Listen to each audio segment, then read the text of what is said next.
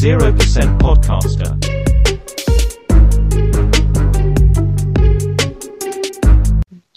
Tes tes. Halo.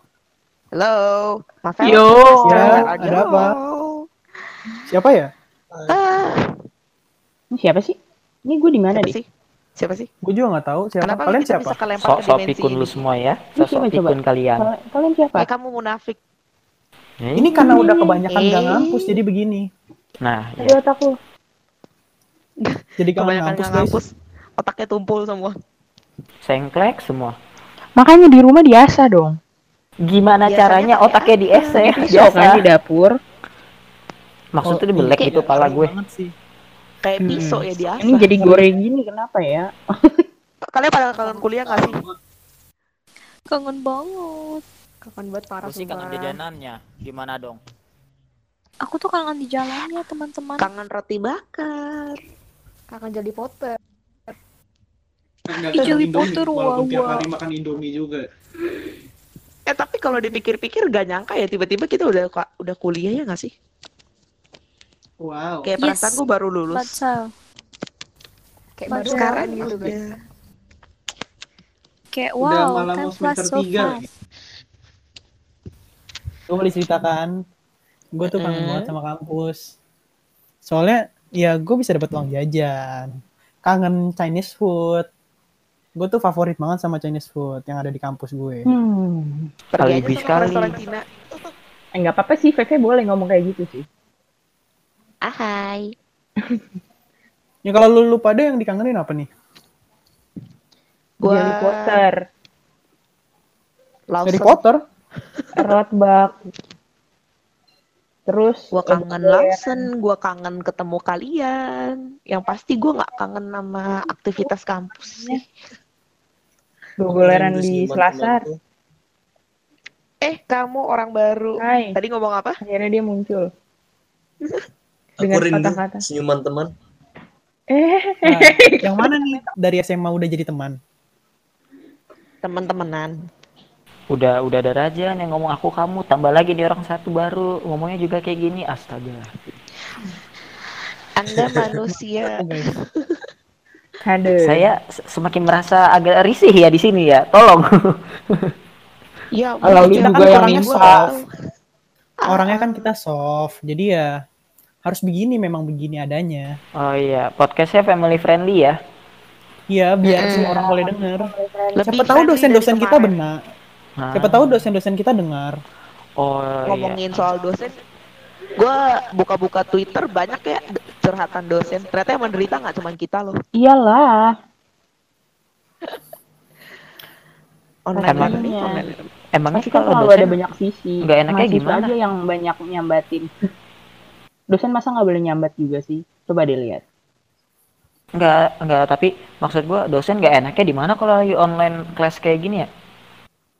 Lah dia Yang kan harus mikirin sistem belajarnya. Mm-mm. Mereka megang berapa? Satu dosen lima kelas paling. Terus eh, harus ini nggak sih eh, ngoreksi berapa puluh, berapa ratus kali ya? Lima kelas, satu kelas aja berapa coba anaknya? Satu kelas bisa 50, 30 sampai 50 orang. Ya paling kalau 5 kelas ya 250 orang. Iya, belum mereka harus eval, eval, eval, eval. Tapi gue salut sama dosen yang inget semua mu- mahasiswa-mahasiswanya. Iya sih, bener sih. Kalau misalnya Iya, mereka kita- ingat nama maupun apa itu, itu gue acungin jempol karena gue pun kadang nggak inget gitu. Malah sering bukan kadang. Parah ya. Terima kasih Dan untungnya dosen-dosen di kampus gue itu ramah-ramah. Beberapa. Disclaimer beberapa. Disclaimer. Di Harus ya, ramah? ya. Tapi Ada juga sih. beberapa Kita yang juga harus ramah duluan kali ya. Iya, ada juga beberapa yang diramahin, jawabnya oke. Iya, nggak Sakit. apa-apa. Oh. Itu kan itu beda. BTW itu oke tatap langsung apa gimana tuh? Ada langsung, iya. Jawabnya iya doang. Itu sakit sih. Berarti lagi puasa ngomong, positif thinking lah. Oh, lagi Nggak puasa tahu kan ngomong. ada puasa ngomong? Menahan nafsu, ya kan. Puasa ngomong gara-gara sariawan. Eh ada loh guys, Eh, ada namanya puasa Mariam kalau nggak salah. Iya kan? Apa? Waduh, jadi religius begini. Beneran ada? Eh, sumpah Sepertinya- beneran Beneran ada, beneran ada. Sepertinya Wow, podcast aku- terbaru kita ini orangnya sangat Sedikit. religius. sedikit dapat ilmu saya di sini. Baru dengar, serius. Boleh Biasa. makan, boleh minum, tapi nggak boleh ngomong. Tapi nggak boleh ngomong, guys. Ah. Pernah nggak? nanti kita coba. nggak? Belum pernah. Cuman nyokap pernah nyoba. Gue nggak bisa, soalnya gue Jujur orangnya kalau suka gue gitu. gagal. Sama. Jujur kalau gue gagal. Please mau nyoba nggak sih? Misalnya nanti kalau masuk kampus lagi nih, kita nyobain gitu. Hari aja bisa Itu nggak tuh? Gak bakal Itu bisa. awkward. Gak bakal bisa sih, sumpah. Menakutkan teman-teman kita yang sudah ketawa. Gimana udah nggak ngomong. Eh, Natal. tapi ketawa termasuk nggak? Nah, itu dia. Aduh. Dah, gawat, gawat, gawat. Oke, jadi guys, apa yang menurut kalian tuh paling asik ya di kampus gitu ya? Kalau udah kita nih udah kelar masa karantina gini nih, yang enak dilakuin per hari pertama kita ketemu di kampus atau kayak baru ngampus lagi tuh enaknya apa? Kalau menurut gue sendiri ya, cabut. Gibah. Gibah. Ngegibain apaan? Orang tiap hari ngegibain, bahkan di podcast ngegibain orang. Waduh, Ya Allah. Tapi nggak tahu buat gue gibah tuh menyenangkan. Da, apa pun bentuknya tuh asik gitu loh. Gue lagi puasa. Kayaknya gue lebih kangen sama gibahnya dibanding segala hal di kampus. oke. Gue sih juga Gibah adalah salah satu yang paling melegakan. Ya. tuh? gue sih kalau misalnya gibah tuh yang sukanya ketika selesai gibah kita jadi mengetahui gitu yang kita sukai dari orang apa dan yang kita paling benci juga apa Nah itu. Apakah Tapi kayaknya- Anda pernah gibah dengan dosen? sering Gue Bahaya ya. Coba Pak, sharing iya, Kayaknya- gua dong. kayaknya kita nggak mau Apa temenan sama dia yang deh. didapat gibah dengan dosen mau. coba. Takut? Nggak mau deket-deket ah? Aku pernah guys, tapi karena masalah pribadi sih sebenarnya. Memang aku juga yang bodoh posisinya jadi gitu deh. Tidak ada orang yang bodoh, hanya malas. Hmm? Tidak ada orang yang bodoh, hanya malas. Anjay. Berarti Razan adalah Orang yang Malas. malas. nggak kayak gitu bercanda. Gini-gini malas-malas gini effort ya. Ngedit podcast, ngepost podcast. Yang ngerekam, Ya bagus lah. Memang Hufflepuff cari memang konten. loyal. Hufflepuff memang loyal. The best dah. Tepat Royal waktunya. sama apa nih? Royal Battle Sama Royale. pekerjaannya. Battle Apa yang Royale. harus dikerjakan dikerjakan. Kenapa suara kalian Kerjaan rumah kerjain nggak? Tugas kerjain nggak? Tugas yang mana nih? Lupa kan? Oh pasti pasti ngerjain gak ada yang skip kan? Kan rajin. Ada dong. yang ada yang bukan skip sih, lebih ke arah ketiduran. Oh. Eh tapi Ada juga yang sistem joki. gitu. Sistem joki ada. Di sini bukannya ada yang jokiin nih? Ada jasa joki apa yang Ada, ngejok? ada. Ada Kalau jasa salah di sini ada jasa ada yang bukan joki bukan nih? ada. Coba bapak, boleh Coba, nama bapak, bapak, bapak jasa joki. Nanti ke Tapi tapi guys, jasa joki itu maksudnya apaan ya? Kan gue sebagai kayak mahasiswa baru satu semester nih ya, yang Ah, baru nginjekin Yalah kita juga. Tolong jangan munafik tolong. ya. Bohong nih. Gak percaya saya. Munafik Aduh, kali Anda. beneran nggak tahu nih. Aku polos kok, seriusan. Joki ada deh. adalah Jangan eh, ngomong-ngomongin percayalah, gua joki. pun nggak tahu singkatan joki Eh, itu apa. tapi kepanjangannya apa sih? Iya itu dia apa ya kepanjangannya? Kepanjangan joki. Hmm. Jomblo joki apa ya guys? Arti Jomblo kampus kita. sendiri kepanjangannya tahu nggak sih? Apa itu tuh singkatan apa gimana sih? Gue jadi penasaran. Eh, Kampus. Gua nggak- gua nggak Jadi kalau misalnya dari Wikipedia ya, itu tuh dari bahasa Latin campus yang berarti lapangan luas. Hmm. Kalau dalam pengertian modern, kampus berarti sebuah kompleks atau daerah tertutup yang merupakan kumpulan gedung-gedung universitas atau perguruan tinggi. Hmm. Kampus kita kampus bukan ya? Institut kampus sih. kita kampus kita kampus bukannya masih ditanya Oh iya ya. Eh, gimana ya? Apakah Udah udah ada nama kampus masih nanya. apakah kita su- sudah kangen kampus jadi seperti ini? Aduh, Terlalu Eh, lama karantina. Joki itu bahasa Inggris ya di Indonesia kan. tapi artinya gimana Gi? maksudnya? Artinya tuh apa apa? gua salah nyari ya?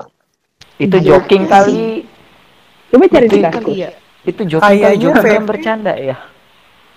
Kayaknya VV nyari situs yang salah nih. Mm-mm. Wah, Fe, lu buka situs apaan, Fe? Aduh, Nah, Yang pasti bahaya. masih di like web. kan ada dark web, nah ini like web. kok live? Kalau remang-remang web ada nggak? Yang Ada. gelap nggak? Ada. Dia namanya yang Grey. mau Itu namanya Grey, abu-abu web. jadi. Mr. Grey. Abu-abu web. Mr. Grey. Eh, Mr. Grey. Oh. Iya, yang yang Fifty Shades Never of Grey. Never mind. Ya gue lagi Udah. tadi Grey itu Balik lagi ke ya? topik, balik lagi ke topik. Pasti Gua ada. mau cerita nih eh, tentang jurusan gue dikit. Boleh? Jurusannya emang apa? Banyak juga nggak apa-apa banyak. Emang jurusan Apa? Jurusan gue sih namanya ya Jurusan bisnis industri Abang ya? kreatif.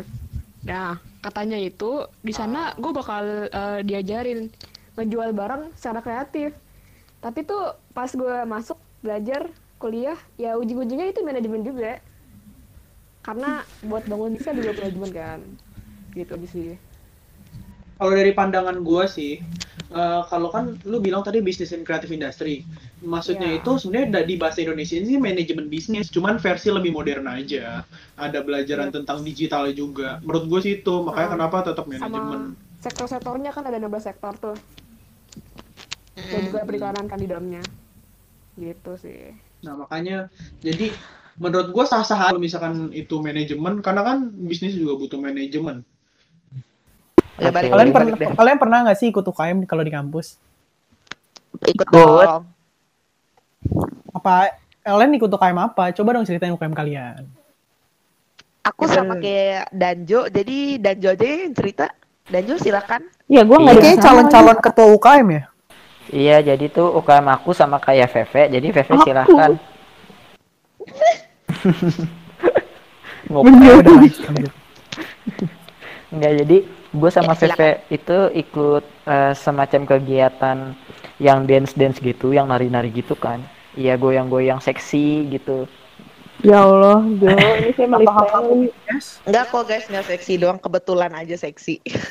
Iya, jadi seperti itulah ya. Nah, menurut gue tuh asik nambah teman dari beberapa jurusan gitulah kan, beberapa jurusan dan fakultas dan bisa ngerasain kekeluargaan gitulah di dalam suatu kegiatan mahasiswa. Menurut gue sih gitu. Hmm. Kalau Bila Ada Bisa- jadi waktu itu gue pertama banget nih masuk kampus gue pengen join UKM film. Jadi emang di Wah, UKM-nya keren tuh ya seru sih kita belajar kayak di awal tuh ya secara kasarnya lah gimana bikin film, bikin timnya dari sutradara dan lain-lain kayak gitulah. Ya Keren pokoknya dong. semua tentang film gitu. Kayak istilahnya kita anak-anak newbie yang praktek-praktek gitu. Sama nggak ya sama yang kemarin tuh Cimodi? Apa tuh dia? Oh Cimodi itu KM penyiaran. televisi ya. Mm-mm. dia UKM Iya. televisi. Sama nggak sih? Coba-coba perlu ceritain. Oh iya, dia sama kan satu UKM kan? Iya, April selaku perwakilan silahkan. Ini Ah. kalau amat sih. UKM saya sedikit malu karena UKM saya kebanyakan. lu kayaknya semua diambil ya. Ceritain semuanya coba. Eh, saya pas itu ada taekwondo, ada konvero, grup debat, ada K-Vibes, nggak jalan, ada Evo, dan ada tari tradisional. Waduh, anak tradisi, anak tari tradisional banget nih. Eh coba ceritain dong. Kerjaannya pulang malam. Masalahnya itu tuh kalau tari tradisional saya satu-satunya laki. Nggak apa-apa asik dong. Waduh. Keren dong. Jadi pengen. Cowok satu, Pasti ceweknya Cowok cantik. satu. Biasanya ceweknya biasanya tari lima, tradisional tuh Wow. wow. Kaget. Gue pengen Pasti pengen tari banget tradisional kayak sini gue temen cuman kan gue bukan cowok jadi malah tambah banyak banyakin ceweknya dong. kurang lebih. Terus terus apa lagi Tapi- tuh UKM-nya? Menarik banget sih UKM ta- tari tradisional cowok sendiri. Kalau gue jadi dia, waduh, dikelilingi oleh kakak-kakak tingkat yang cantik pasti. Mantap bu. Jan, Jan, Para kaum hawa. Jan. Kenapa? Jan. J- Dan Gue denger-dengar lu katanya ikut UKM-nya kayak tentang radio gitu ya? waduh, ceritain gak ya? Ceritain lah. Radio berarti nggak jauh dong. Artinya lu, yang artinya, kita sekarang. iya benar. Coba ceritain dikit dong, lu di radio tuh kayak gimana? Dan posisi lu sebagai apa? Karena setahu gue kan di radio tuh kayak ada posisinya juga kan? Gue di radio itu posisinya pertama jadi kreatif director. Apain tuh? Kalau kreatif director itu singkatannya CD. Bukan celana dalam ya, bukan celana. Oh, Oke, sorry. Aku langsung termenung masa. Aduh. Jadi eh, kerjanya itu kayak nyari konten, tim kreatif. Apa pun yang diomongin itu dicari dulu kontennya. Kalau nggak nanti di radio mau ngomong apa. Itu termasuk aspek penting sih. Karena kan announcer nggak mungkin kan ngomong seasal-asalnya. Iya benar. Pasti harus disiapin Tapi- minimal. Emang selain emang cuman perlu CD sama yang gua tahu sih radio itu kan dia identik sama musik ya. Paling CD sama MD sama announcer. Terus udah ya itu aja kali. Atau ada lagi Ada bagian-bagian? program Oh director. masih ada. Dia itu pengawas. Bisa Gimana dibilang sih lu anak broadcast? bisa dibilang dia kayak tingkatan tertinggi sih. Dia yang mengatur program, dia yang dia juga yang mengawasi program-programnya. Kita misalkan sebagai kreatif director atau da- dari musik director yang apa rekomendasi musik harus memberikan ke si PD ini. Hmm. Nanti dia yang approve, nanti dia yang approve. Dia petanggung jawabnya paling besar sih. Sama announcer pasti ngomong itu sesuai apa yang PD mau karena mereka nggak boleh ngomong sembarangan atau misalkan mereka nggak boleh ngomong kasar itu biasanya persetujuan PD segala macam. Berarti tuh kalau misalnya di Nah. UKM radio lo itu itu kayak apa namanya? 11 12 sama kalau lu kerja di radio asli gitu atau gimana tuh? 11 12 tapi eh, ada juga di beberapa radio MD dan announcer tuh menjadi satu. Jadi Oh, merangkap eh, gitu mereka ya. tuh memilih memilih lagunya juga announcer juga ada juga tapi nggak banyak sih. Gue juga sebagai announcer kan. Jadi gue Hmm, punya oke. dua job. Gue jadi Skillnya membantu CD dong. Dan announcer. Tapi gue jadi announcer masih baru. yang sekarang. Iya, mem- memang membantu tapi gue masih baru. Makanya kan Oh, biasanya Pak. kalau me- sudah mateng itu punya gaya berbicara yang berbeda. Nah, dimasaknya gimana tuh? Biasanya tuh taruh di wajan. bukan begitu dong. Lah, kalau kalau udah matang berarti kan harus dimasak dulu kan? iya sih, bener juga. Tapi ini bukan yang dimasak, bukan makanan. Nah, iya kan skill lu yang dimasak di situ Pakai biar. Ya udah, mengasah konsep, mengasah skill. Nah, Nah, asik. Jadi gimana sih cara? Saya udah tinggi. Waduh, nggak gitu sih. Yeay. Gimana sih cara jadi announcer yang baik? Sebenarnya tuh kita tuh harus bisa pahamin diri kita sendiri dulu. Kita tuh mau ngomong apa, kita pengennya gimana. Kalau kita udah paham sama diri kita sendiri, pasti kita harus memahami lawan bicara kita juga. Pasti dong, ngomong sama lu dilawan. bukan dilawan dipukul-pukul ya. Silakan anak Tokan, anak Ini kesel nih abis ini. Debat. Silakan dilawan. tektokan. Jadi bahasa bahasa apanya ya tektokan lah itulah. Oh, tiktokan. Jadi misalkan kita lempar pertanyaan dia jawab kayak pantun, Nyambung lah ya. iya nyambung menyambung menjadi satu. Nah, itu lagunya Itulah gimana tuh? Indonesia. Indonesia. Nah, Jadi lagu aja. Ayo kelanjutannya gimana? Gak apa ya? Nggak apa. Indonesia tanah airku. Yaudah guys. eh favorit Gua favorit lanjutin lagi matkul ya. yang paling lu kangenin Skip, skip. Oke. apaan sih? Pas di Hmm. kampus. Fav matkul kalian? Fav matkul udah pasti officially matkul jurusan gue. Advertising. Karena di situ Ah. gue enggak hanya ngedesain iklan, enggak hanya mempelajari eh, misalkan minat orang, tapi kita menganalisis juga orang tuh pengennya kayak gimana. Jadi kita mendesain itu sesuai min sesuai minat dan apa yang disukai oleh banyak orang. Jadi nggak boleh gue, ya iklan itu nggak boleh namanya harus idealis, nggak bisa. Boleh kreatif boleh, tapi harus bisa memikat banyak orang, nggak hanya segelintir orang atau sekelompok orang aja. Karena Kalau lu jualan gitu gitu. Bang. Iya, karena lu jualan, lu butuh minat orang lain agar iklan lu atau produk yang lu iklanin laku. Itu sih. Kalau kalian apa? Hmm, kalau gue sih pelajaran yang untuk yang semester ini tuh di Gikom. Sebenarnya gue nggak pinter-pinter banget tentang digital atau apa pun, tapi gue suka banget sama prakteknya sih. Tugas-tugas prakteknya tuh seru, gak kayak tugas-tugas yang lain. Kalau gue senang sama ini, apa namanya? Etika filsafat komunikasi. Walaupun susah sih sebenarnya, jujur aja.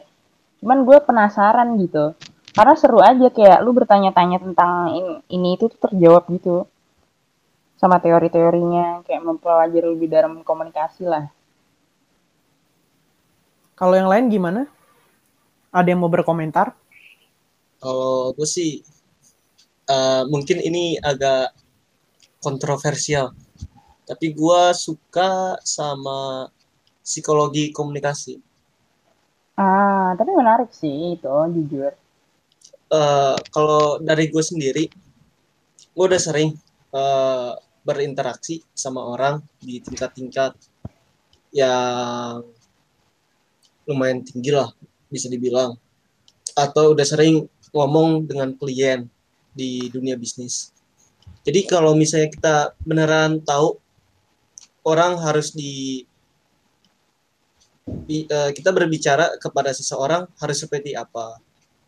Tonanya Iya, iya, seperti apa? Apa yang mereka harus dengarkan? Apa yang mereka ingin dengarkan kalau kita mengetahui semua hal itu kita bisa membuat komunikasi yang sangat efektif Jadi kayak lu udah bener-bener ngerasain apa gunanya buat kerjaan lo gitu ya. sangat Oh ya ngomong-ngomong kan lu tadi ada bilang ngomong sama klien bisnis, lu udah kerja? Udah. Ih keren dong kuliah sambil kerja. oh Wow. aja belum kesampaian. keren sih Aku keren butuh uang. Susah nggak sih kuliah sembari kerja? Oh, eh, sebenarnya sih bukan susah, tetapi kita harus pintar aja eh, menyesuaikan waktu. Karena yang susah bukan kerjanya. Kalau kerja pasti awal susah, lama kelamaan membaik. Karena yang namanya pekerjaan itu tuh skill. Sedikit demi sedikit tuh diasah. Lu gimana ngimbanginnya sama UKM lu kan banyak. Nah, kalau begitu eh, saya pekerjaan pertama cuma mau menerima kalau misalnya tidak bentrok. Ada beberapa hari di kalender yang kalau saya membuat jadwal tidak boleh ada pekerjaan. Karena waktu untuk pekerjaan sudah dipakai untuk kuliah atau UKM. Keren sih. Bisa memanage waktu. Hmm, nggak semua orang bisa kayak gitu. Meskipun waktu bisa ke manage ya, terkadang sih yang harus di garis bawahin itu jam kerja.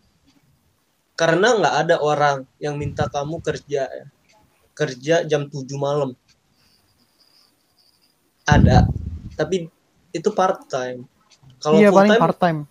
eh kalau full time tuh nggak bakalan minta jam 7 mereka mintanya jam 9 pagi jam 10 pagi di jam-jam yang emang pasti bentrok sama kuliah saya sudah absen dua di dua pelajaran cuma gara-gara Oh. kerja Tapi masnya ini pinter kan? Yang mana tuh?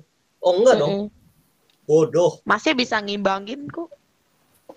Ah, tanggung masa? jawab sama pintar beda dan kepintaran kan relatif Dan gak ada yang bodoh juga sih.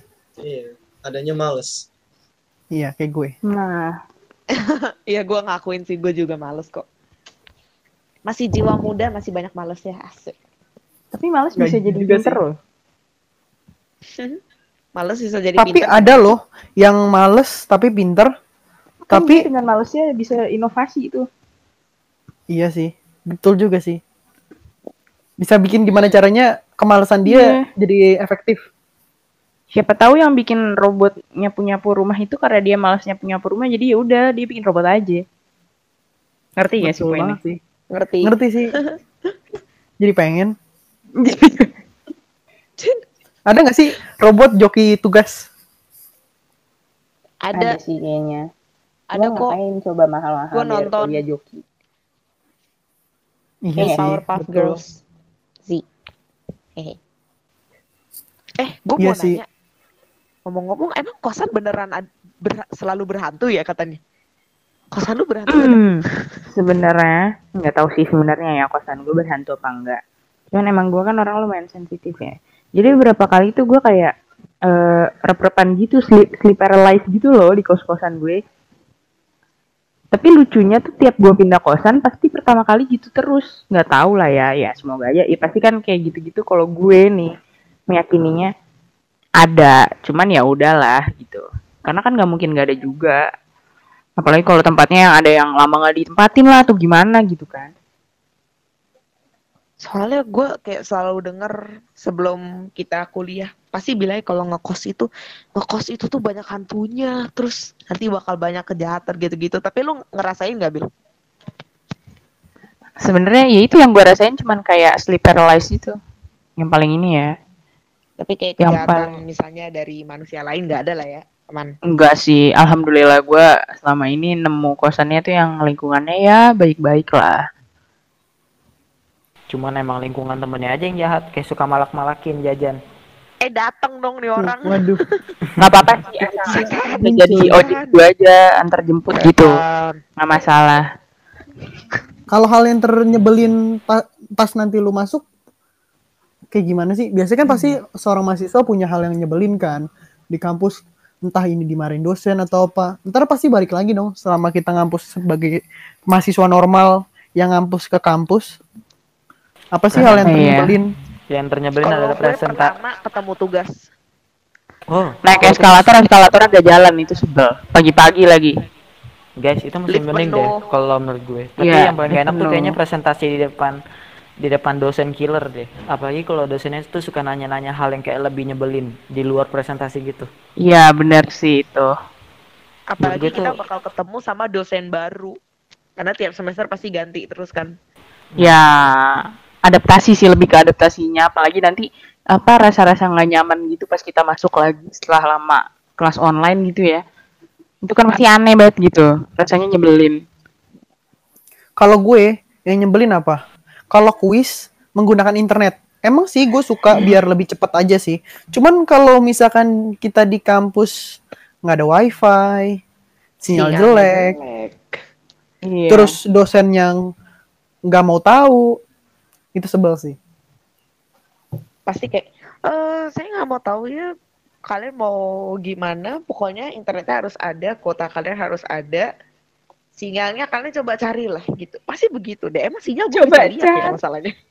coba cari ganti gitu loh. provider gitu gitu lah Aku tidak sekaya itu.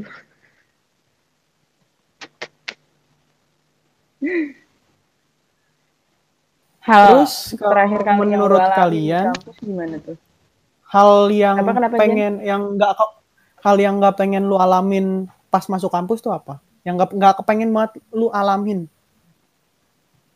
Mempermalukan diri sendiri. Kalau hal yang gua nggak pingin sih ya, eh, udah umpama empat bulan nggak ketemu orang lain. Terus mukanya kan udah pada beda-beda tuh. Jadi eh nggak kenal ya, lu siapa ya? Iya makanya yang kayak terus nanti tiba-tiba orang ada yang berubah lah, ada yang kayak gimana, bakal awkwardnya sih aneh.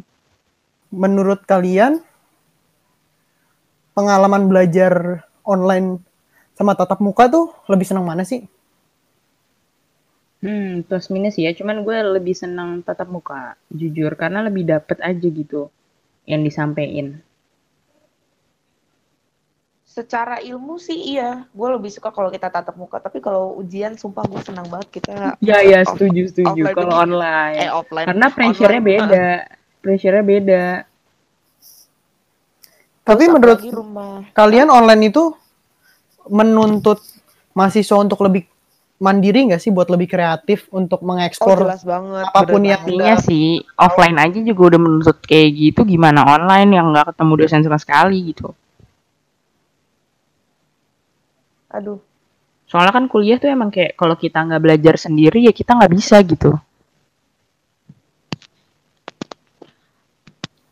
Gimana online kan? kalau lu V gimana?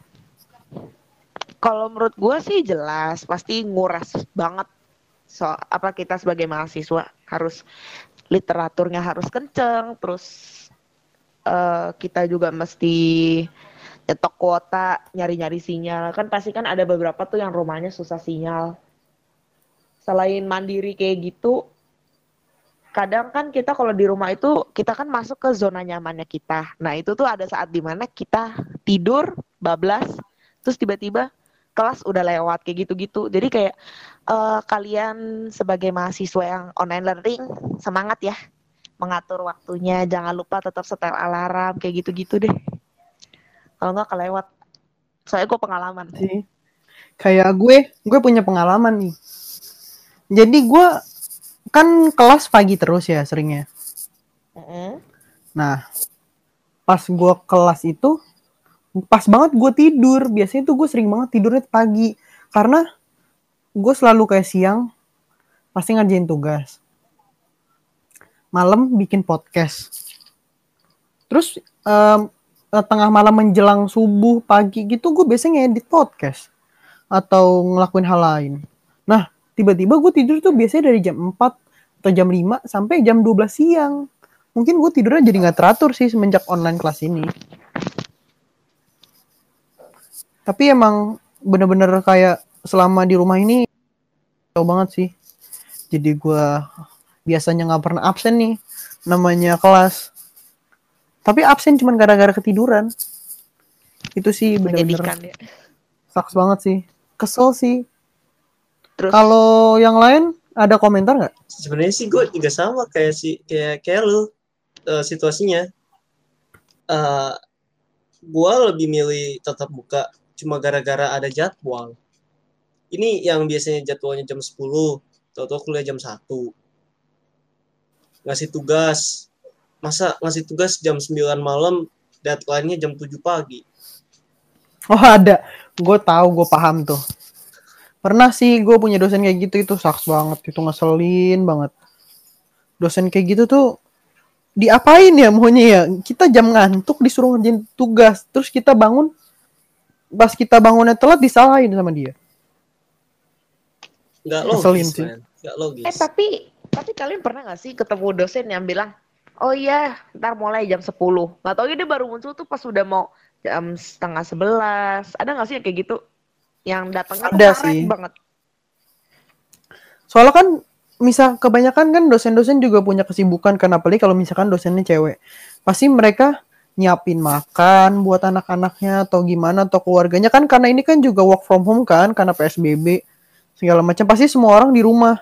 Nah, karena semua orang di rumah itu bikin gimana dia harus mobile bisa ngerjain pekerjaan rumah juga, bisa ngerjain apa yang harus dikerjain dia kayak misalkan ngajar kewajiban dia untuk anak-anak di kampus itu dengan cara online. Nah, biasanya kayak gitu tuh ada aja kendalanya. Kalau lu Pril, misalkan nih eh, lagi kayak gitu pernah nggak telat gitu ngumpulin atau gimana? Eh, telat ngumpulin sih jujur aja ya. Eh, Sering. Mepet sering. Kayaknya Itu gara-gara itu cuma gara-gara kalau ngekontak guru tuh susah banget. dosen maksudnya. Iya dosen. Sorry dosen. Ya mungkin dosennya juga punya kesibukan masing-masing sih. Iya, balik la- balik lagi sama juga. topik yang pertama yang apa yang gue omongin pertama kadang juga dosen itu punya hal-hal yang nggak bisa diduga-duga juga sih. Karena kan mereka juga ada yang ibu rumah tangga ada yang pekerjaan yang nggak hanya jadi dosen. Kadang ada loh dosen yang apa dosen yang pengen ke, apa ngajar pagi malam kerja. Ada juga yang kayak gitu. Jadi kayak misalkan dia padat jadwalnya itu nggak bisa disalin juga sih karena kan dia juga menak- menafkahi keluarganya kan Iya, apalagi kalau yang dosen yang punya anak kecil, kayak lu kebayang gak sih anak kelas 1 SD disuruh pakai online kelas kayak kita gitu. waduh repot banget sih Itu repot banget. Ih, gak kebayang gue jujur. Repotnya kayak apa itu?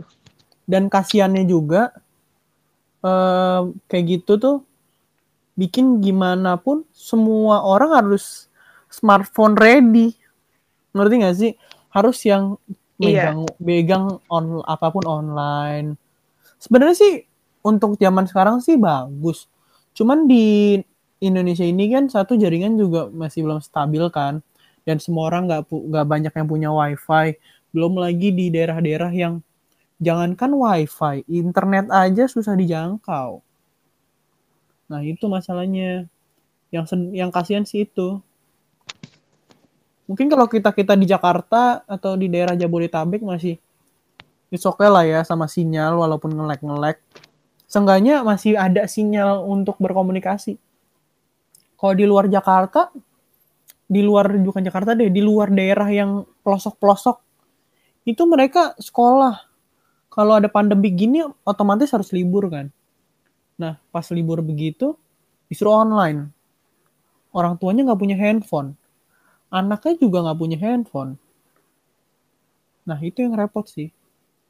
Handphonenya mungkin punya tapi handphone yang cuma bisa buat nelpon sama SMS doang.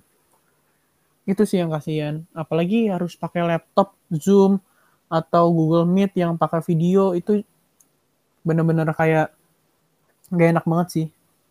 Pasti rasanya mau ngelakuin nggak bisa kalau nggak dilakuin juga nanti nggak dapet apa-apa nggak dapet nilai nggak dapet absen itu sih Serba salah ya, kasihan jadinya. Dikaliku perkuliahan ini yang sangat rumit. terus lu punya nggak sih hal yang emang bener-bener pengen lu capai pas kuliah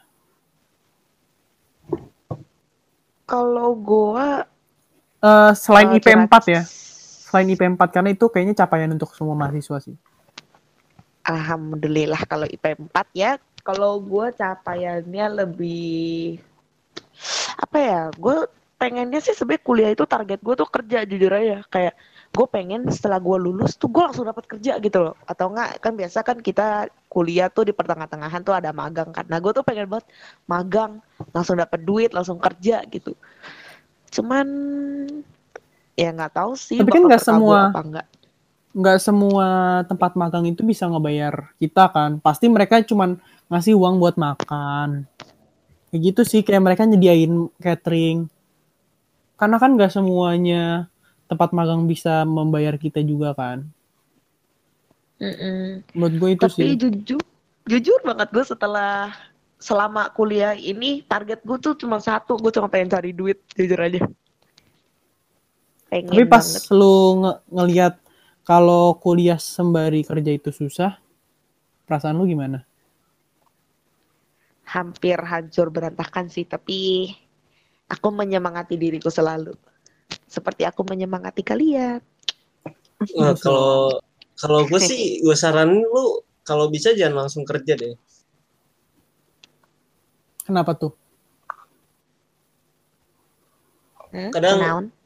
Eh, kalau misalnya di kalau bisa ya eh, mau langsung kerja silahkan. Tapi punya pengalaman dulu. Eh, kalau nggak nanti biasanya ada ada klausa-klausa fresh graduate di mana gajinya mungkin kecil dulu atau mungkin gajinya kurang bagus. Terus kalau udah dua tahun gitu baru dinaikin. itu wajar sih menurut gue kayak gitu tuh wajar sebenarnya itu bukan bakal jadi hal shock bukan Kalau menurut gue itu bisa dibilang jadi pelajaran. Ini kan lu masih awal buat kerja ya. Kecuali lu di bidang hobi atau di bidang yang emang membutuhkan. Yang bidang emang orang jarang banget bisa. Kayak misalkan lu jadi desain. Gak banyak kan orang bisa, mungkin banyak sekarang. Tapi eh, biasanya itu yang desain itu hanya butuh lima orang di satu perusahaan paling banyak. 5 sampai 10 orang paling banyak untuk jadi staff desain. Nah, di situ kan lu dicari banget. Pasti lu dibayar sesuai dan lu jangan mau dibayar telat. Itu sih. Karena gue dengar pengalaman-pengalaman orang sih, apalagi orang magang, kuliah sembari magang ada juga atau yang abis fresh graduate tiba-tiba langsung kerja. Kadang kalau di bidang-bidang yang hobi itu suka dibayarnya tidak konsisten. Itu sih. Tapi kalau misalkan lu mau magang pas ngampus gini, menurut gua lebih dicari pengalamannya, bukan uangnya sebenarnya. So kalau uang sih bisa dicari kapan aja sih. Pas lu lulus lu lu misalkan nih sekarang magang nih. Terus lulus lu dapat pekerjaan di tempat yang sama dan lu akhirnya dipermanenin sama perusahaan itu. Nah, lu bisa dapat langsung duit. Buat gue sih gitu. Tapi juga jangan tergiur dengan uang gede juga kalau misalkan lu kerja. Karena siapa tahu aja tiba-tiba uang gede itu cuman janji palsu. Nah, balik lagi ke topik. Lingkungan pergaulan lu di kampus tuh kayak gimana sih? Ceritain ini pasti seru nih. Lingkungan pergaulan, mulai dari VV deh. lingkungan pergaulan gue sebenarnya di antara kalian-kalian aja sih tapi gue ngerasa lingkungan pergaulan gue tuh positif kayak kan orang selalu bilang kalau kuliah itu mesti hati-hati pasti nanti ada orang yang pergaulan bebas dan kawan-kawannya tapi hmm, selama gue bisa apa ya gue cukup berprinsip jadi gue yakin kayak oh ya udah gue cuma mau temenan sama orang tuh yang kira-kira gini gini gini dan akhirnya gue ketemulah sama kalian. Setelah gue ketemu kalian gue tahu kalau kalian-kalian tuh semua orang yang gak aneh-aneh kalian orang yang baik. Jadi gue ngerasa lingkungan gue bagus sih. Kalau lu sendiri? Se- secara lu banyak ini kan banyak teman. Gua itu terkenal sama orang yang setiap sudut nyapa orang. Misalkan Haizen, di mana-mana Haizen. Hey, hi, woi. Di mana-mana setiap sudut pasti gue sapa. Dan ada orang temen gue yang sebel sama gue kenapa lu setiap hari nyapa orang. Menurut gue sih nyapa itu hmm, kayak ramah aja sih sama orang. Tapi kalau masalah pertemanan gue tetap milih-milih. Biasanya gue temenan orang bilang gue biasanya temenan sama yang sejalan. Kalau yang nggak sejalan, gue jarang mau temenan. Tapi menurut gue nggak kayak gitu sih. Walaupun memang kalau untuk segi visi, misalnya dalam berteman gitu, ya udah pasti sama dong. Gak mungkin misalnya lo visi lo berbeda sama dia, terus lo nggak ada kecocokan sama sekali sama dia, tapi lo temenan sama dia. Kan nggak kayak gitu, nggak ad- ada sih yang kayak gitu, cuman jarang. Tapi menurut gue kayak eh, lingkungan pertemanan gue atau pergaulan gue di kampus tuh asik sih. Gue bisa kenal sama banyak orang, gue bisa masuk tongkrongan mana aja. Gue tuh tipe orang yang bukan mau menetap di satu tongkrongan. Kayak kenapa? Menurut gue, eh, misalkan lu satu tongkrongan nanti eh, circle lu itu itu aja. Kayak besok lagi lu ketemu dia, besok lagi lu ketemu dia. Misalkan lu banyak temen kan, bukan banyak teman sih, banyak circle yang bisa lu datengin, lu ikutin, lu bisa tuh eh, tahu mana perspektif orang-orang. Nah, di circle ini mandangnya begini, circle itu mandangnya begitu. Seringnya begitu sih, menurut gua. Jadi kayak nyemplung ke mana-mana ya, sih. Iya. Jadi gue juga tahu beda-beda sifat orang tuh kayak gimana. Kadang kan ada tuh orang yang pokoknya gue tuh maunya sama circle gue aja karena sifat gue tuh sama sama dia. Tapi menurut gue kalau gue sih kayak mempelajari orang gitu loh, gue menyesuaikan. Misalkan gue lagi di circle sama lu, lu teman-teman gue nih, lu pada deh. Ya gue berbicara sesuai apa yang kalian bicarakan gitu, gue menyesuaikan. Tapi kalau misalkan gue sama teman-teman gue yang lain, misalkan atau sama geng-geng gue yang lain, pasti gue juga menyesuaikan apa yang mereka mereka bicarain. Misalkan ada yang anak emo, nah ya udah, gue bicara tentang misalkan eh, alternate rock atau apa. Tapi kalau misalkan gue sama anak teman-teman sama anak indie, pasti ngomongin indie juga. Misalkan sama orang yang pop culture-nya tuh tinggi banget. Misalkan lu tuh suka sama eh, selebriti-selebriti western segala macem, gue juga bisa nyesuaiin. Misalkan lu kayak popers, misalkan kumpulan anak-anak K-popers nih, gue bisa gabung dalam situ. Bisa juga gue, gue bisa menerima itu juga. Jadi kayak menurut gue tuh, gue lebih ke roaming sih untuk lingkungan pergaulan, nggak hanya di satu titik aja. Kalau lu gimana, Bill? Kalau gue sih sebenarnya kurang kurang lebih sama ya kayak lu. Cuman gue lebih yang kayak eh diem gitu walaupun gue diem tapi ya dari awal tuh prinsip gue ya gue main sama siapa aja lah langsung diem si baik ya udah gue baik sama dia gitu cuman gue gue juga kayak pernah nyemplung ke anak tongkrongan oh gini ya rasanya anak tongkrongan yang ini yang itu cuman gue lebih kayak diem kalau misalnya gue nggak cocok ya gue bisa pelan pelan banish gitu sendiri dari tongkrongan itu cuman gue juga nggak ngerti sih kayak orang banyak kayaknya juga ada maksudnya jarang juga yang tahu gue karena gue kayak gue ada di sini ada di situ tapi orang nggak tahu gitu loh ngerti nggak jadi kayak Gue juga sebenarnya kayak kenal banyak orang, tapi nggak semua orang tahu gue juga kok, Bill. Iya jadi gue kayak lebih yang ya orang kadang lihatnya diem, kadang orang gimana. Mungkin kesannya kayak orang bilang two face tapi ya itu tadi gue cuman ya udah nyesuain aja lu maunya gimana ya udah gue gitu gitu ngerti. Kayak Ngerti gue. ya gitu deh. Gue pernah ngalamin itu sih waktu masa-masa sekolah. Kayak gue sebenarnya dikenal, gue kenal sama banyak orang. Cuman kayak mereka tuh nggak nganggap keberada- keberadaan gue atau bukan nggak nganggap sih. Lebih tepatnya kayak gue nggak terlalu mau ikut urusan urusan orang kayak nggak mau terlalu ngumpul-ngumpul sama banyak orang. Gue lebih ke arah yang ya udah lebih baik gue sendiri seneng-seneng gimana gitu. Bukan berarti gue nolep sih.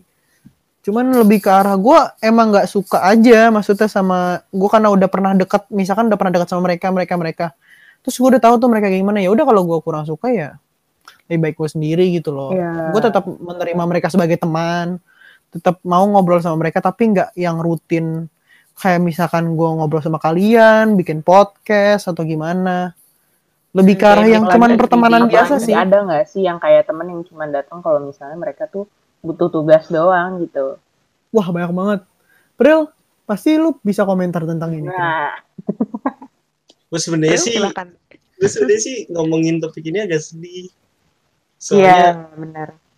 aduh, Aduh, gue mulai Kenapa? kuliah tuh ya, gue tuh pingin uh, punya teman. Gue ngapain kayak pas SMA. uh, jadi gue nyari temen aja di mana aja. Gue pinginnya eh jangan nangis. enggak enggak nangis, maksud gue lu Iya. pasti pernah lu pasti di kelas lu ketemu sama teman SMA lu Oh iya. Itu susah dibilang teman. Cuma apa kenal dong nama itu doang. punya hubungan batin ya oh, hubungan kayak Grindelwald spiritual. sama Albus Dumbledore ya kan ada hubungan batin ya konten Gitu. kemarin. nggak apa-apa biar intermezzo. Ada banget sama fantasi. Atau mungkin kayak si Harry Potter sama Voldemort gitu. Ah, oke. kayak Itu. hubungannya cuman di tato petirnya doang ya Iya. hubungannya kalau lu hubungannya di tangan gitu atau apa gitu ya kan lu punya sesuatu hal yang eh, lu bentuk bersama dia gitu Dengan ada. dia, dia, dia. terus itu ya menjadi simbolis ya kan simbolis kalau gue kenal sama dia ini Macam-macam banget sih ya pertemanannya. Di kampus memang tuh lebih variatif. tapi Kalau misalnya- menurut gua kalau variatif gitu ya ya udahlah bagus berarti kalau Iya. gimana Pril? Ya kalau misalnya variatif emang bagus. Cuma eh, itu itu baru gua mau ngomong itu loh, sumpah. Eh, Kalian telepati. sumpah, soalnya sepanjang gua bikin teman baru ya, gua lama kelamaan kayak mulai nggak peduli gitu. Ini orangnya lebih keren daripada gua atau ini orangnya tuh lebih ganteng daripada gua atau mungkin lebih pintar. Gua yang Bukan penting tuh pinter. Enggak, yang penting tuh pokoknya kalau misalnya kita semua bisa have fun, itu tuh baru teman. Iya bener. Mau segi kayak apa pun keadaannya saat itu lu have fun bareng ya udah gitu. Lupa sama semua. tapi ya balik lagi sih ke realita ya gue selama 17 tahun tuh gue nggak ngerti tuh uh, pertemanan tuh harusnya kayak gimana satu tahun gue ngerti eh tahun berikutnya ya, kayak gini Sempet kayak yakin gak yakin gitu ya. bukan yakin gak yakin nggak bisa ketemu teman Hmm, Kalau sekarang gimana nih yang lo rasain? ya ya mau diapain terima aja Terus gimana sih komentar lu tentang temenan sama kita-kita? Kan lu pokok podcaster baru nih, gue butuh pendapat lu.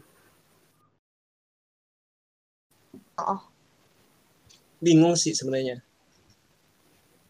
Tapi ya yang namanya suatu hal yang gak jelas gua kalau di muka di muka di mata gue sih kalau suatu hal nggak jelas jangan dibilang nggak jelas. Misterius. Misteri.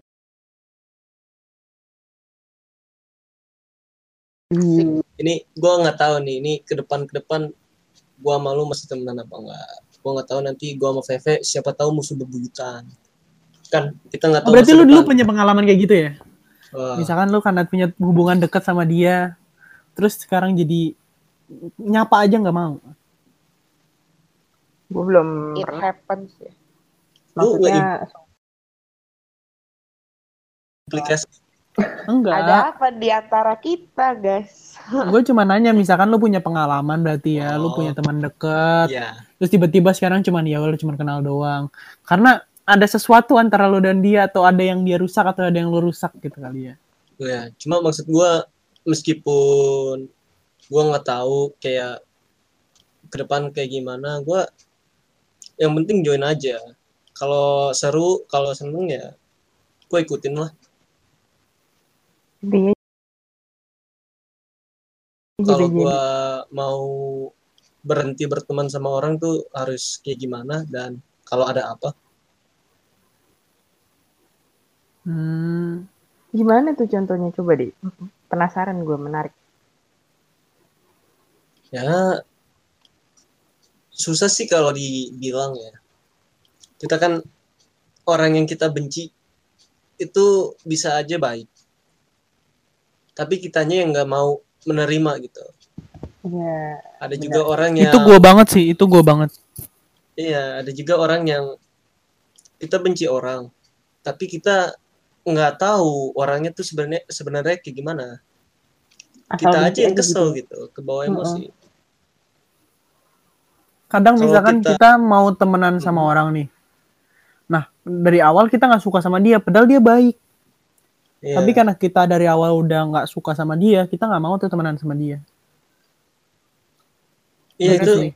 itu sering banget terjadi dan kalau setiap kali gua mikirin pertemanan atau setiap kali gua mikirin temen tuh gue selalu mikir dulu ini gua mau ngebikin gua mau ngejudge orang emang gua udah tahu semuanya Nah, itu dia. kalau gua udah bisa jawab itu baru gua bisa bilang gua mau temenan sama dia sampai kapan pun atau gua gak mau sama dia sampai gua mati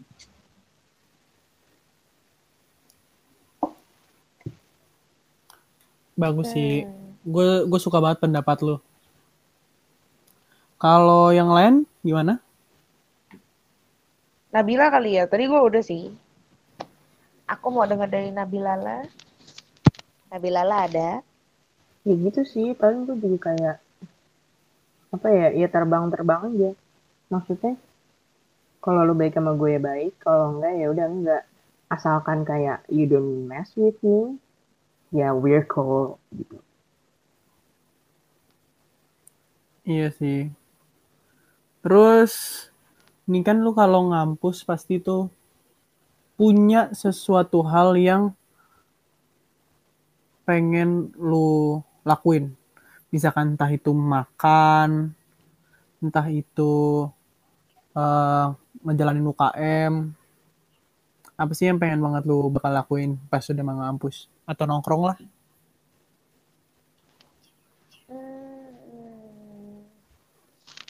Kalau gue ada satu hal yang pengen gue lakuin, gue pengen pindah UKM. Ke mana tuh? Radio. Waduh. Itu gue Soalnya welcome. kendala kendala terbesar gue adalah dana pertama. Terus yang kedua, gue sempet kepengen jadi kerja di radio sih. Maksudnya kayak kayaknya radio tuh seru gitu loh. Kayak kita lagi podcast sekarang, Mas. Gue pengen tahu lebih jauh tentang radio itu ngapain. Terus eh mungkin ngoperasiin perangkat-perangkatnya kali ya. Kan ada beberapa tuh kayak radio itu nggak cuma sekedar lu ngomong depan mic gitu loh. Tapi banyak yang mesti diatur dan kayaknya itu seru. Kalau Nabila, Kalau gue apa ya yang mau gue lakuin lagi di kampus? Gue lebih ini sih apa namanya pengen nyari suasananya lagi aja kayak lately gue kuliah online tuh rada apa ya nggak semangat lagi gitu. Mungkin dengan kayak kuliah offline lagi gue bakal kayak semangat lagi ngerjain tugas dan segala macemnya. hmm. Nah, kalau April ada nggak? Gua kalau UKM tuh sebenarnya udah cinta dengan tiga yang gua tekunin. Enggak, apa sih yang pengen lu lakuin misalkan udah masuk kampus? Iya, Bener-bener Eh, hal yang paling pengen lu lakuin. iya, itu dia UKM gua. UKM lu, UKM. Heeh. Karena emang gua ke kampus tuh pas ngeliat UKM yang tersedia, gua langsung tahu itu yang mau gua dalemin. Wah, semangat ya. Iya. Pasti lu Meskipun- hidupnya tuh berwarna banget. Hmm, kurang lebih lah. Meskipun waktunya kadang nggak memadai ya, atau sering bentrok, gua gua pingin tuh kalau misalnya gua misalnya Evo, Evo gue pingin gua tekunin, gue pingin tahu tuh broadcastingnya tuh bisa sejauh mana teknisnya. Ntar kalau gue udah tahu kan gue jadi ketua enak tuh. Gue bisa Wih, ngeperbaikin sistem. Keren nih Gua- mau jadi ketua nih. bener-bener. Nah, Visinya jelas. Eh, visi misinya jelas. harus lah. Bagus, bagus, bagus, bagus. visi misi lu nggak tahu kalau ya kalau visi misi lu aja nggak tahu nanti lu bikin rencananya gimana Iya sih. Iya sih, bener. Saya tertohok. Kalau gue sendiri sih yang apa yang mau gue lakuin pas masuk itu udah pasti ketemu teman-teman lah ya. Ketemu siapa pun yang ada di kampus dan gue menyapanya. Karena gue udah berbulan-bulan tidak berinteraksi dengan orang lain. Nggak tahu ya, karena mungkin gue senang ya berinteraksi dan makanya kenapa ah, tujuan gue bikin podcast ini tuh gue biar bisa berinteraksi sama orang-orang walaupun orang cuma dengerin seenggaknya orang tuh ngedengerin apa yang ngomongin gitu loh. Bisa Kayak betah ya, rasanya itu menyenangkan ya nggak sih? iya kayak nggak betah gitu gue harus di rumah. Nggak menyalurkan sesuatu yang gue pengen itu rasanya tuh gelisah gitu.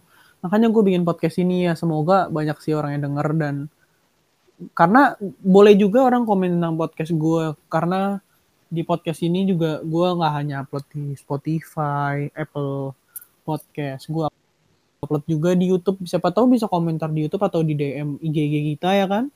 Ntar kita bisa juga kasih tahu bagi-bagiin nama IG kita. Aku pun Ntar bikin mungkin gue taruh di description atau apa pun. Nah kan kita itu juga sebenarnya menyalurkan hobi-hobi kita sih Iya. kayak CPV bikin blog, gue menyalurkan gue buat bikin podcast dan teman-teman gue nih kayak April dia menyalurkannya dengan cara main game. Kalau Nabilala mungkin bisa sama kita kita kan. Nah, ngebantu gue juga di podcast ini dengan Dani juga yang mungkin Dani udah udah ninggalin apa podcast ini ya karena dia tadi ada sempet ada hal lain yang perlu dia lakuin kan. Dan beberapa kru-kru podcast kita yang lain yang nggak join hari ini Meramaikan. Tapi tetap Karena ya, kita juga lagi support. hari ini sih ya, hari weekdays.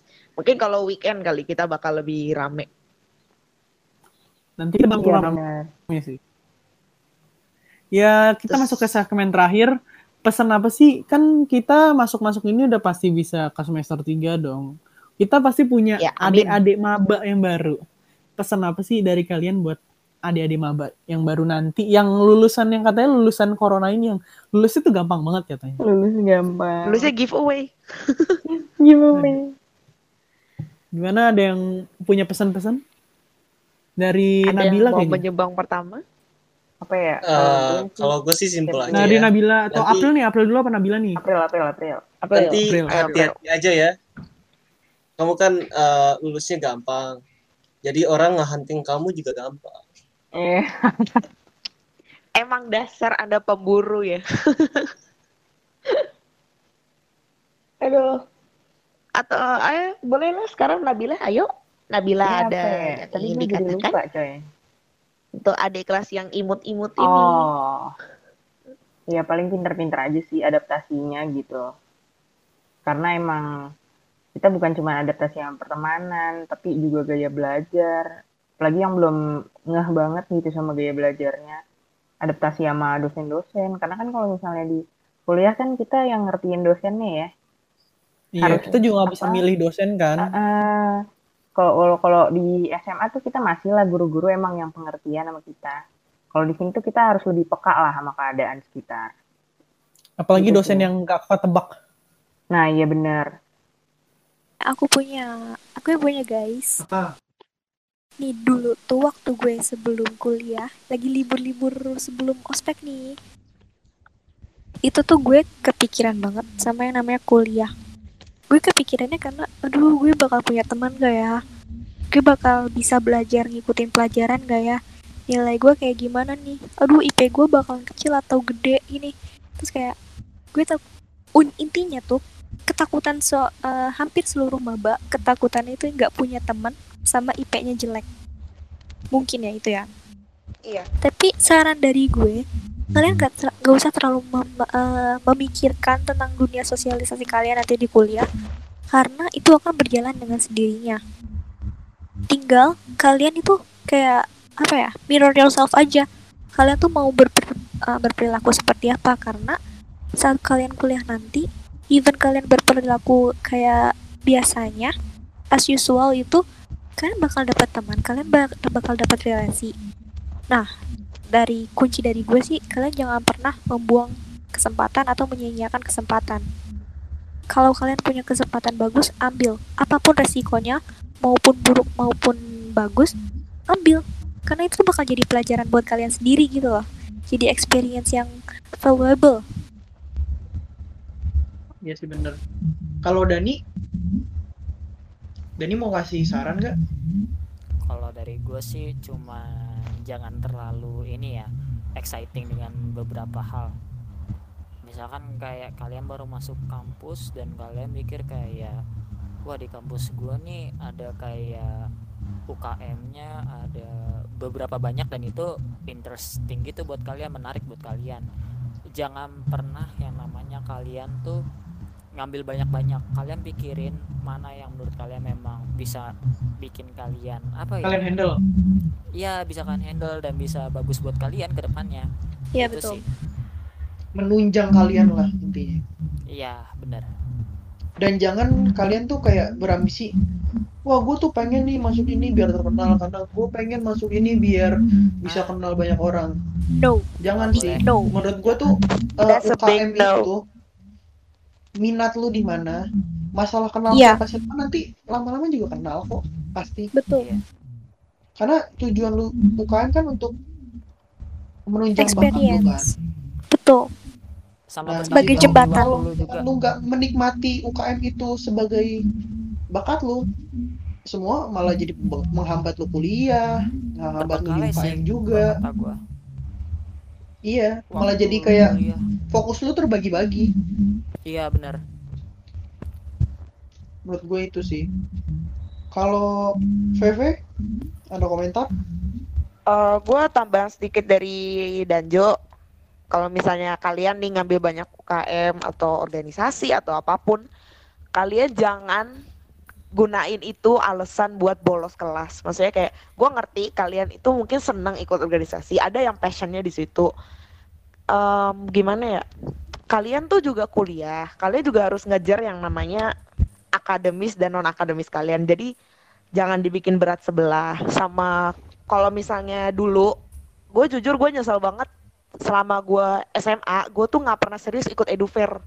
Karena mentang-mentang gue mikir ya udah ntar jurusan bisa dipilih kok di akhir-akhir gitu. Dan setelah itu gue nyesel karena benar-benar udah di akhir banget gue tuh baru kepikiran gue mau masuk ilkom. Kayak coba kalian tuh pikirin yang masih SMA nih yang mungkin dengar pas masih SMA kalian tuh pikirin dulu kalian tuh maunya apa kalian sukanya apa dan kalau emang kepikiran di akhir kalian juga harus aktif nyari kampus jangan kayak ah gue ntar kampus maunya PTN doang kalian juga harus ada cadangan harus ada swasta gitu Hmm. Karena Dan- nggak semua iya. negeri bagus dan nggak semua swasta itu jelek. Mm-mm. Eh sama gue juga mau Apa jangan sedikit kalau bentar Jo, Ah. gue mau ngasih saran sedikit. Sama jangan ngikutin ego. Iya betul. iya Soalnya gue itu dulu itu adalah orang yang pengen banget masuk IT. Pengen banget. Masuk Tapi masuk apa sampai IT informatika. oh, IT.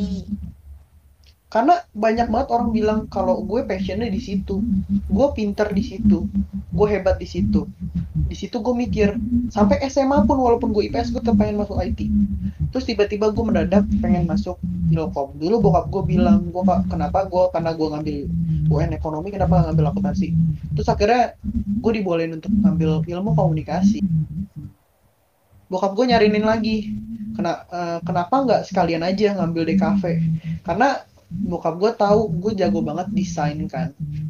Tapi menurut gue eh, itu kan bu- bukan hanya desain digital tapi juga kayak gambar. Karena itu juga seni kan. Nah di situ kelemahan gue itu gampang banget namanya putus asa dengan namanya gambar. Jadi menurut gue yaudah gue ngambil ilkom gue ngambil periklanan gue bisa desain ngedit segala macem yang menunjang. Nanti orang tua gue bisa bisa juga ngedukung dengan segala macam teknologi yang gue pengen. Menurut gue itu nggak boleh gue sia-siain sih. Jadi gue nggak ngikutin ego gue dulu ngikut pengen jadi informatika. Tapi gue juga tetap konsisten dengan passion gue. Jadi nurunin ego lu tapi jangan sampai menyampaikan passion lu itu itu sih Iya, gue sama mau nambahin kalau- sedikit. oh iya boleh Kuliah itu eh, bukan harus itu sesuai apa yang kalian inginkan. Tapi kalian juga harus pintar mencari batu loncatan gitu loh. Kayak gue, gue tuh bener-bener dari dulu pengen banget masuk jurusan sastra Korea. Gue pengen banget. Itu apa eh, karena gue Iya, gue nggak- juga. bukan kayak itu garis, garis keras ya karena itu passion gue. Kenapa gue bisa masuk broadcasting ilmu komunikasi ini? Itu bisa menjadi ba- batu loncatan dari minat yang gue punya. Gue Nah, punya bahasa dia. Nah gue bisa menjadi batu loncatan broadcasting kayak oh gue harus punya bakat ini dan bisa menyalurkan bakat-bakat gue yang di, di bahasa juga. That's right. Eh, Menurut gue terus gitu sih, juga sama gue juga. iya sama ngomongin soal ego gue jadi ingat dulu pas awal akhir-akhir pas udah mau kuliah yang gue pikirin pertama itu sebenarnya bukan masalah passion or anything gue tuh mikirin budget. Kayak ya kuliah tuh gue tahu kuliah tuh nggak murah gitu loh. Iya iya. Affordable. Kalau masalah betul. budget sebenarnya yang bikin gue sayang banget sampai sekarang adalah gue tuh nggak pinter nabung. Maksudnya kayak kalau gue nabung mungkin ke depannya mungkin saat ini gue tuh bisa bantuin orang tua gue buat ya biaya kampus tapi gue tuh kenyataannya gue orangnya boros terus ya gue juga di kampus nggak pinter-pinter banget kok bukan yang dapat beasiswa atau apa cuman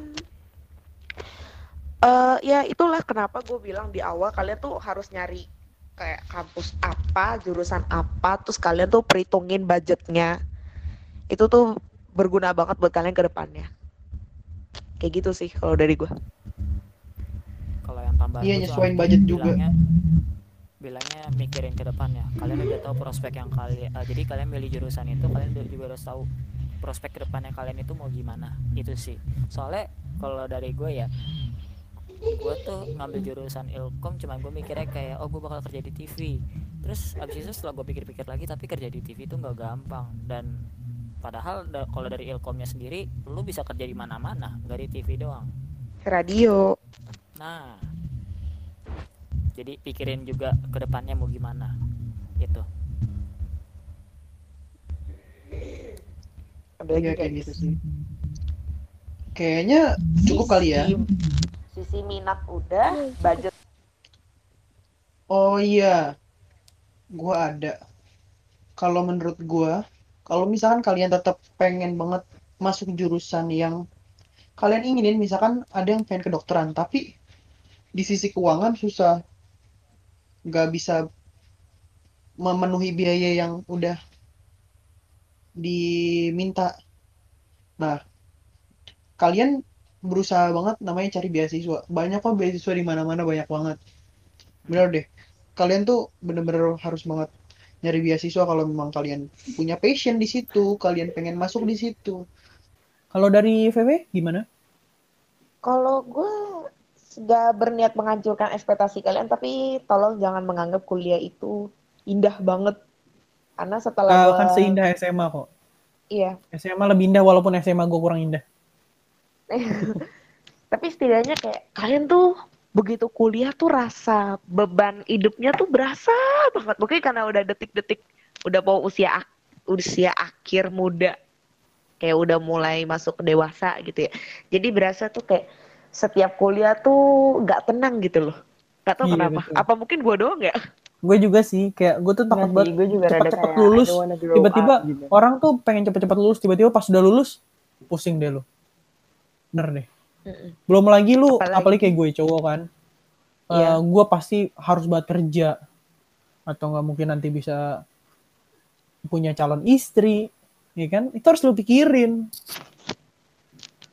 Itu sih. Kalau gue, aduh, pokoknya begitu kuliah, begitu pertama kali datang, gue yang dulu remedial dapat nol aja tuh biasa aja gitu loh. Sekarang dapat 6 aja udah stres. Sekarang Iya, dapat tujuh aja tuh rasanya pengen Belum nangis gitu. kayak ya Tuhan, kok aku goblok gitu loh. Takut banget yang namanya fail. sih. Karena kalau dulu SMA itu SMP, SMA, SD nggak ada ya namanya tuh ya. fail. Walaupun nih gue tuh punya pengalaman hampir nggak naik kelas aja. Sampai Naik tapi. harus ke kepala sekolah dulu baru bisa naik kelas. Itu tuh masih bisa ditoleransi gitu. Kalau misalkan lu di kuliah, lu fail, lu harus ngulang. Mau nggak mau lu tuh nggak lulus-lulus. Dan lo mesti bayar lagi duit lah. Nah, itu. Aduh, Belum Ya, lagi biayanya kan nggak murah kan. Apalagi orang tua lu misalkan Nah, itu dia. bukan yang bisa memfasilitasi segala macamnya. Iya kan, pasti kan butuh fasilitas dong. Kayak misalkan biaya kuliah atau apa, atau kalian butuh laptop atau apa, atau handphone. Itu pasti fasilitas dong. Kalau misalnya orang tua kalian nggak bisa membiayai secara keseluruhan, kalian harus survive mau nggak mau kan. Nah, kalau bisa gimana pun caranya orang tua kalian udah biayain ya kalian survive lah terima-terima aja gitu. maksimalin kayak gue gue juga kayak sekarang gue bukan yang bener-bener mampu banget kayak orang-orang lain. Gue memanfaatkan apa pun misalkan gue bikin podcast ini aja gue memanfaatkan sesuatu yang ada gitu. Ntar kalau misalkan bisa Ya. eh, misalkan bisa semua terfasilitasi baru gue gimana pun caranya memaksimalkan. Yang penting kalau sekarang tuh manfaatin apa yang lo bisa manfaatin aja. Jangan sampai lo ngerasa gue nggak- bisa nih begini gue nggak mampu atau apa. Misalkan kalian nih pengen kuliah kedokteran. Udah pasti susah dong. Biayanya gede banget. Jelas. orang tua pasti nggak setujuin. Udah pasti. Sekarang beasiswa di mana-mana banyak. Kalian bisa cari itu di mana aja. Yang penting kalian konsisten dan rajin dan gimana pun caranya kalian harus bisa lulus sesuai perjanjian yang ada di kon, kon- bukan kontrak sih kayak perjanjian di beasiswa itulah. Kalian bisa cari beasiswa di mana-mana. Keluar negeri kalian bisa gratis kok kalau kalian emang benar-benar niat pengen kuliah di luar negeri. Itu sih menurut gue Jadi banyak jalan Dan- lah ya sebenarnya. dan percayakan minat aja. kalian dan passion kalian. Jangan kalian ragu. Misalkan kalian pengen wah kalian tuh demen banget desain demen banget gambar masuk di cafe misalkan kalian mikir gue takut nanti eh, kerjanya gimana. Masalah bekerja itu misalkan sesuai atau nggak sesuai sama apa yang kita pelajarin di kuliah itu itu urusan nanti. Udah pasti banyak yang nggak sesuai dong. Tapi seenggaknya kalian tuh punya minat dan siapa tahu dengan minat kalian kalian bisa kreatif membuka pekerjaan atau apa ya kan? Kita kan nggak ada yang Hmm. tahu. Kalau misalkan kalian minat di DKV kalian desain kalian buka tempat PH buat editing atau apa bisa aja. Itu semua tergantung kalian juga sih. Menurut gue pesan gue dari itu. Kalau yang lain ada pesan lain nggak? April April? Nggak ada tambahan? Nabilala atau Feli VV Wah keluar tuh akhirnya Nabilala. lebih lala ya pokoknya kalau gue siapa pun kalian jadi maba seniornya nggak bakalan seserem senior selama kita sekolah sih. Kayak kita harus manggil apa ya kayak Kak. kak atau apa gitu nggak Santai perlu sih ya. nggak perlu space gitu ya ya pokoknya kalian baik-baik lah ya kuliah belajar yang rajin dan harus Terus. perbanyak link teman jangan Oh, jangan iya. jangan Jangan terlalu terpaku bukan jangan terlalu terpaku sama omongan misalkan kalian tuh kuliah udah masing-masing ya memang kuliah kita lulus masing-masing nge- nilai masing-masing tapi link pertemanan tuh butuh banget kalian mau beda fakultas beda jurusan itu kalian wajib banget berteman. Kenapa? Karena nggak semuanya itu sama sama kalian. Itu sih. Jadi kalian tuh bisa nanya misalkan kalian kurang apa kalian bisa nanya sama yang memang lebih baik daripada kalian secara materi atau apa. Itu sih yang Kalaupun dapat orang yang nyebelin juga nggak rugi kan ya. Jadi kan kita ngerti. iya. Yang Oh, penting ini punya nyebelin. pengalaman dan dapet hal-hal yang nggak bakal kita dapetin lagi itu sih experience lu pengalaman bersama teman sama pengalaman sendiri sih beda bener nggak Bil? Betul, beda banget. Iya bener banget. Jadi emang pengalaman yang nggak bisa didapetin di sekolah mana pun ya udah pengalaman hidup. Iya sih kayaknya cukup kali ya untuk podcast Oh. kali ini nggak usah terlalu Podcast kali ini kita lebih tenang. Kayaknya panjang sih panjang sih. Iya. Cuman kayak kita tuh ngomongnya lebih tenang, Lebih lebih, mikir santai. ya sebenarnya. Iya, Menuangkan karena podcast ini nggak bisa nggak bisa terlalu santai-santai banget juga nggak bisa terlalu serius banget juga karena kan podcast kita juga kan temanya hobi kan hobi Iya. entertainment apa pun yang seru-seru kita omongin Mm-mm. Oh, Yang relate keresahan kita pokoknya. juga ya. iya mungkin besok tiba-tiba aja kita misalkan ada gajah bisa jungkir balik bisa apa kita omongin bisa aja Iya, kita terbang kayak tahu kalian. 2020 Ayo. ini akan sesurprise apa. iya Eh, thank you udah nikmatin podcast kita kalau ada salah-salah kata kita minta maaf thank you ya guys Thank you semuanya. dengerin. Dah guys Bye-bye. Bye bye. Dah.